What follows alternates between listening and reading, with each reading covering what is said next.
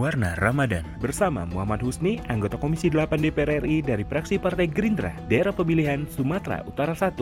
Saya lihat seorang ibu-ibu, dia gendong anaknya dalam posisi menangis, dia membawa dua buah koper. Saya tanya, Bu, Ibu mau ke mana? Nggak tahu. Saya sudah diusir dari rumah kontrakan saya. Saya tanya berapa biayanya? 300 ribu. 300 ribu pun ibu nggak sanggup bayar. Enggak. Saya cuma kerja harian.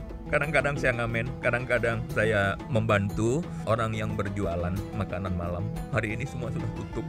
Dia bilang inilah akibat pengetatan daripada virus corona yang bantuan dari pemerintah kami belum rasakan. Saya langsung apa terharu Ramadan tahun ini kita betul-betul diuji coba jauh lebih berat daripada Ramadan Ramadan sebelumnya. Mari kita bantu saudara-saudara kita yang hari ini tertimpa musibah, kehilangan pekerjaan, kehilangan pendapatan dan lain sebagainya. Ayo mari kita berbagi kepada saudara-saudara kita yang membutuhkannya.